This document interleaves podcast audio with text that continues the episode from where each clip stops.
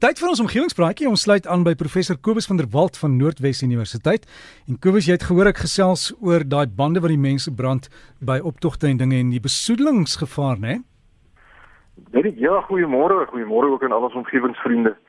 Ja man, weet jy, uh, ek dink die, die eerste ding natuurlik is as mense nou 'n optog wil hou of so iets doen dit dan nou so dat jy nou nie eiendom vernietig en goed aan die brand steek en so aan nie. Dit is ons dan nou nie hoe oordentlike beskaafde mense die ding doen nie.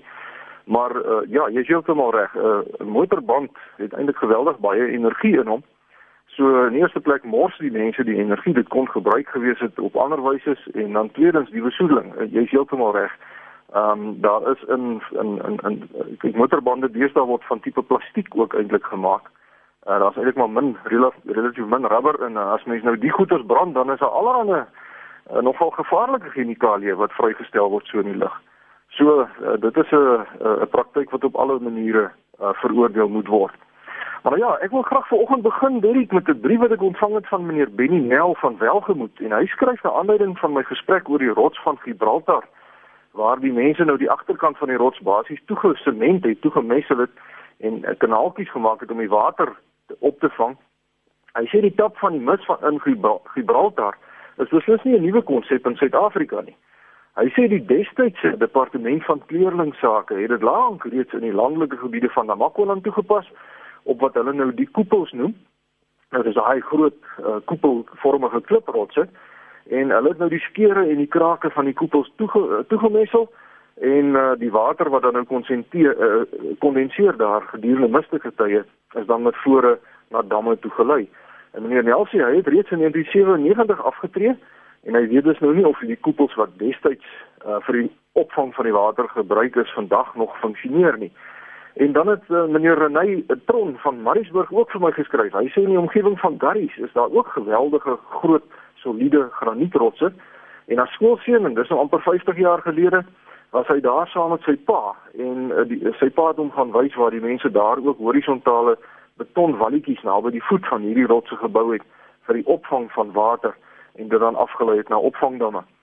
Nou ja, daar leer ek uh, vanoggend ook iets. Uh, ek het nie geweet dat daar in Suid-Afrika sulke watervoorsieningsprojekte soos op Gibraltar ook is nie. So baie dankie aan meneer Benny Nel van Welgemoot en ook meneer Renay Tron van Mariesburg vir u briewe. Dan omgewingsvriende terwyl die watersituasie in die Kaap in ons almal se gedagtes is, wil ek graag ook gesels oor 'n brief wat ek reeds 4 jaar gelede ontvang het van mevrou Karin van Wyk. Uh, sy vertel destyds tydens die kragonderbrekings het hulle as gesinnetjie heerlik saamgesels uh, sonder die al ewige inmenging van die TV en die rekenaar soos sy dit nou stel. En sy sê haar man het destyds 'n vars bokkom van die Weskus ontvang om toe nou deeglik met doem bespuit en toe aan 'n nylon toutjie in hulle lapa opgehang. Die ou mense het skynbaar geglo dat hierdie soutgedroogde haddertjie 'n baie betroubare weervoorspeller is. Sy sê hulle was maar skepties, maar inderdaad, die bokkom draai wel en sy neus het telkens in die daaropvolgende tyd in die rigting gewys waaruit hulle reën in daardie gebied kom. Net heerlike reën spoedig dan nou daarna. Sy sê tydens droogtye het die visie se neus na die ander kant toe gedraai, na die rigting waar die reël die reën nou nie normaalweg gaan kom nie. Maar net voor 'n heerlike reëntyd het die visie weer in die reënrigting gedraai, so ongeveer 'n week voor dit begin reën het. Nou wil sy weet of daar ehm, 'n um, teorie agter hierdie bygeloof is. Steek daar enige waarheid in? Sou dieselfde gebeur as mens enige ander gepekelde visie daar sou ophang. Sy sê sy weet van die weerhuisies wat 'n mannetjie en 'n vroutjie nou het gekoppel aan 'n leerriempie en as die reën op pad is, dan kom die mannetjie by die huisie se deur uit en die vroutjie kom uit in droërtye. Sy sê sy dink dat die mannetjie en vroutjie se bewegings iets te maak het met die hoeveelheid vog in die lug wat die leerriempie op 'n manier beïnvloed maar hulle gesin stry nou lekker oor die bokkoms. Nou ja, dis nou 4 jaar gelede al ek hoop dink dit is vry nog steeds. Algesien sy en haar jonger seun baie skepties oor die bokkom idees terwyl haar man en ouer seun sê dat die visie homself in die praktyk wel deeglik bewys het. Nou ja, baie dankie mevrou Karin van Wyk vir daardie interessante navraag.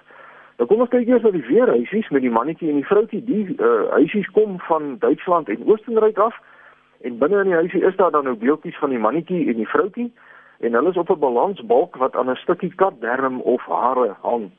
Nou as daar baie vog in die lug is, dan rek die dermpie of hare effens uit en as dit droër is, dan krimp dit.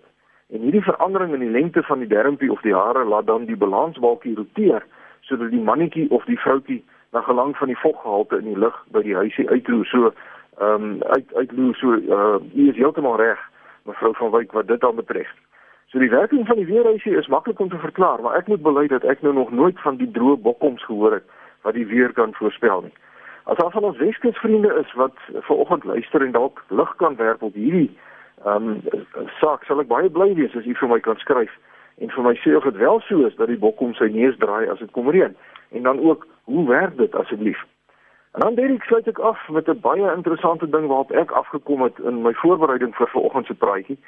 En dit is dat daar onlangs in Australië vir die eerste keer waargeneem is dat sekere roofvoëls gereeld brande stig om prooi te vang.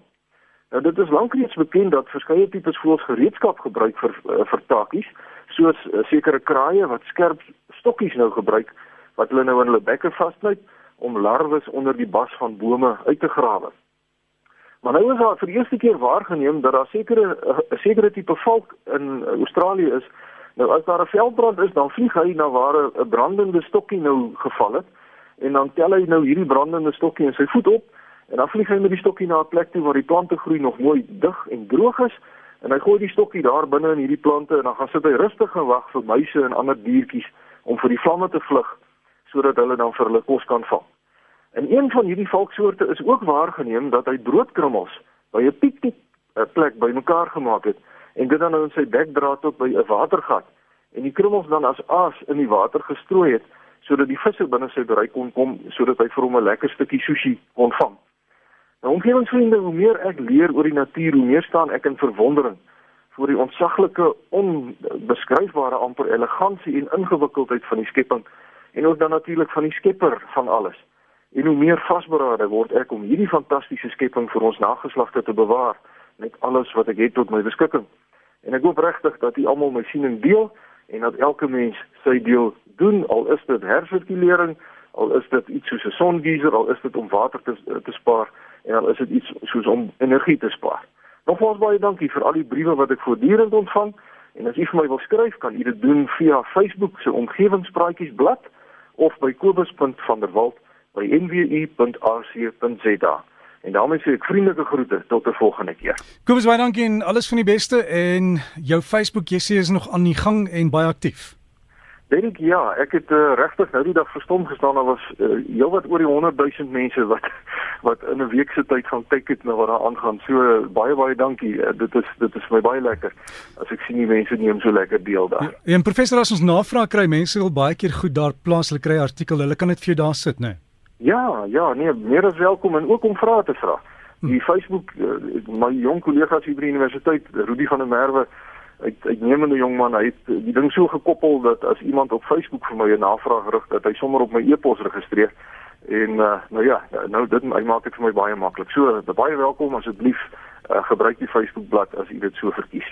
So gesels ons met professor Kobus van der Walt van Noordwes Universiteit. Daai Facebook bladsy is omgewingspraatjies, die meervoud. Sluit aan by die groep en raak deel van die bespreking en jy kan selfs daar antwoorde verskaf as jy antwoord ken op 'n vraag wat daar geplaas is. Anders kobus.vanderwalt by nwu.ac.za